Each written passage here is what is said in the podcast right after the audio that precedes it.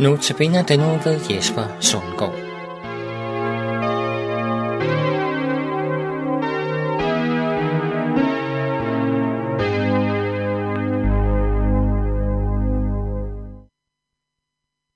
Jeg vil nu tage fat på dagens andagt, som øh, jeg har givet overskriften Trældom.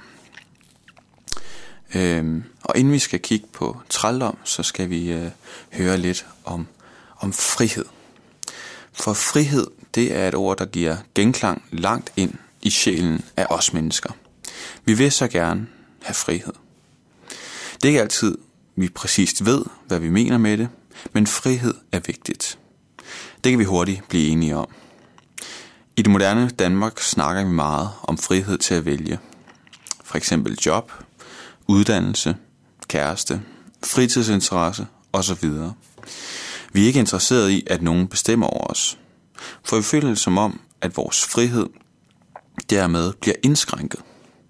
Vi værdsætter med, en, med rette en lang række af de friheder, som vores forfædre kæmpede for.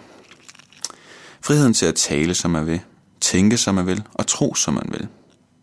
At kvinder har stemmeret, at baptisternes børn ikke længere bliver tvangstøbt, og at dagbladene ikke er underlagt censur, er alt sammen frugten af mange års kamp for den elskede frihed. Ingen religion, intet politisk program og ingen unødvendige love skal fratage os vores frihed. Sådan tænker vi i dag, og sådan har vi god grund til at tænke. Men går vi tilbage til slutningen af 2. verdenskrig, der var friheden virkelig til at tage og føle på. Gennem fem lange år havde Danmark været besat og holdt fanget af nazisterne. Maden kom i små rationer, mørklægningsgardinerne skulle trækkes for, og man kunne aldrig rigtig vide sig sikker. Derfor blev 5. maj 1945 også en historisk dag, da danskerne endelig kunne ånde lettet op. Nu var de befriet. Den onde magt, der for at bruge et gammeldags udtryk, havde holdt danskerne og mange andre i trældom, var nu blevet besejret.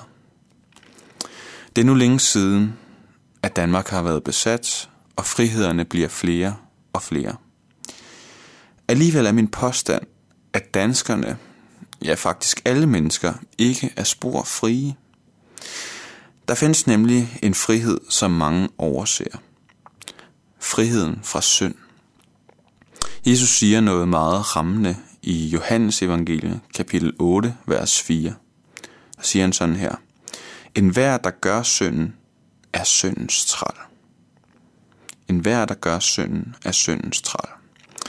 Synd er dybest set at gøre, hvad der er Gud imod.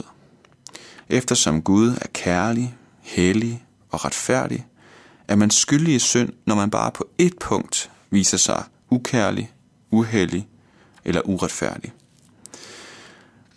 Og interessant nok siger Jesus ikke, at den, der gør synden, skal tage sig sammen og komme ud af den. Han taler langt mere alvorligt om den.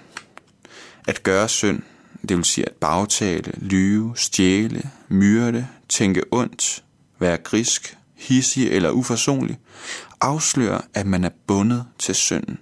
Ja, faktisk, at man er slave af den. Bibelens ord og vores erfaring slår det fast.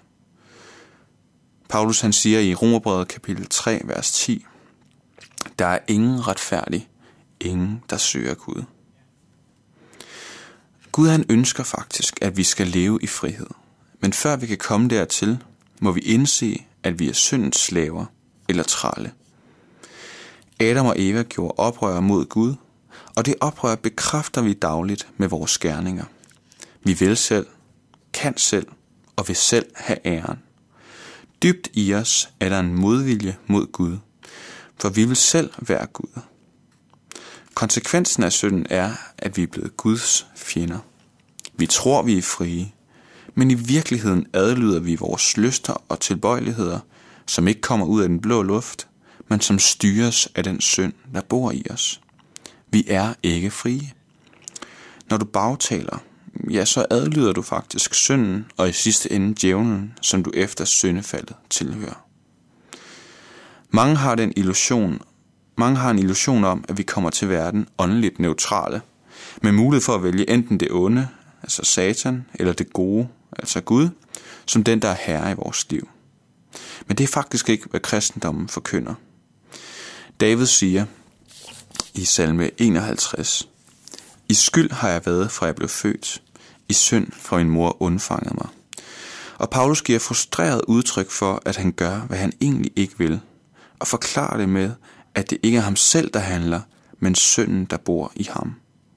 Det kan man læse om i Romerbrevet kapitel 7. På grund af synden fra Adam, som vi hver dag bekræfter, må vi altså betragte os selv som ufrie mennesker. Vi er bundet til synden.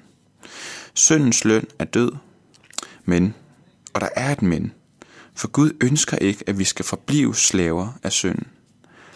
Hvordan vi bliver befriet fra den besættelsesmagt, som synden er, skal vi høre mere om de kommende dage.